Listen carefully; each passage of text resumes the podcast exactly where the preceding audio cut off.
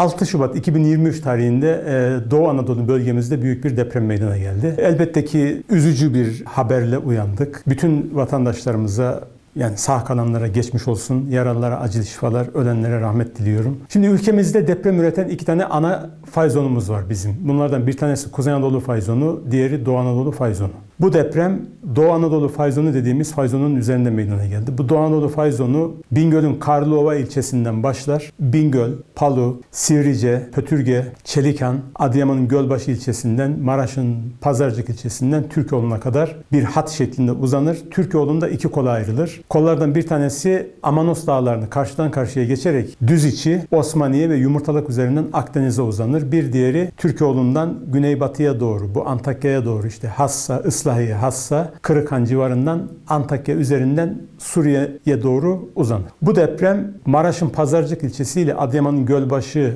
arasındaki fay üzerinde meydana geldi. Biz aslında bölgede yaptığımız araştırmalarda buralarda böyle bir depremin olabileceğini tahmin ediyorduk. Çünkü az önce söylediğim gibi ülkemizin en önemli deprem kaynaklarından bir tanesi sonuçta aktif bir fay. Dolayısıyla bu tür fayların üzerinde belirli aralıklarla sık sık böyle büyük depremler meydana gelir. Bu özellikle depremin meydana geldiği yerin e, jeolojik yapısına baktığımızda ve de geçmiş dönemdeki depremleri incelediğimizde örneğin bugün meydana gelen depremden önceki bir önceki en büyük deprem 1114 yılında meydana gelmiş. Yani günümüzden 900 yıl önce meydana gelmiş. Şimdi bu fayların üzerinde bloklar yani fay bir düzlem şeklinde düşünürseniz her iki tarafında zıt yönlerde hareket ederler. Bu fay üzerinde de bu zıt yönlerde hareket etme oranı yılda 6 milimetre civarında. Dolayısıyla en son 1114 yılında meydana gelen depremde siz saatin sıfırlandığını düşünün. Yani bu şekilde bir deprem meydana gelmiş ve saatin sıfırlanmış olduğunu düşünün. Yılda 6 milimetre 900 yılda yaklaşık 6 metreye yakın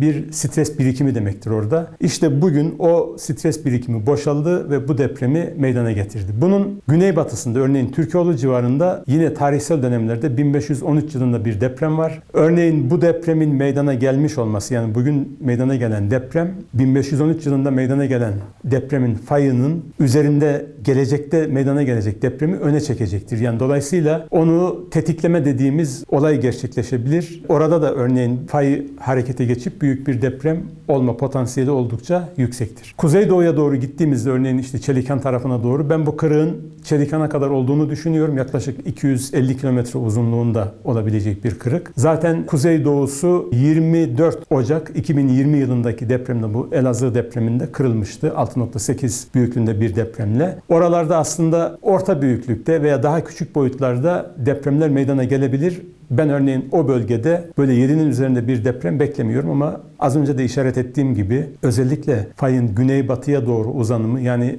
kuzeyden e, Yumur Osmaniye düz iç taraflarına doğru olan kol üzerinde e, biraz daha oranın tehlikeli olduğunu düşünüyorum. Çünkü Antakya'ya doğru giden kol da 1822 yılında yine büyük 7'nin üzerinde bir deprem meydana gelmişti. Orada da böyle hani 6 civarında orta büyüklükte depremler olabilir. Ama esas bu depremden sonra tehlike oluşturan bölge şu an için Türkoğlu ve e, Osmaniye arasındaki fayın o kısmıdır diye düşünüyor. Tabii ki böyle bir deprem meydana geldiğinde vatandaşların doğal olarak akıllarına ilk gelen soru çünkü biz örneğin yani yer bilimciler olarak bu depremi yani bu bölgede bekliyorduk ama vatandaş bunu bilmiyordu. Vatandaşın en büyük beklentisi İstanbul civarı. Dolayısıyla bu deprem olduktan sonra eminim ki birçok vatandaşın aklına ilk gelen soru acaba bu deprem İstanbul depremini tetikler mi diye olacaktır. Ee, başlangıçta söylediğim gibi şimdi ülkemizdeki deprem kaynakları iki tane önemli deprem kaynağı var demiştik. Birisi Kuzey Anadolu fay zonu, diğeri Doğu Anadolu fay Bu ikisi birbirinden farklı faylar. Örneğin Doğu Anadolu fayı ülkemizin güneydoğusunda bulunuyor. Az önce de söylediğim gibi Karlova ile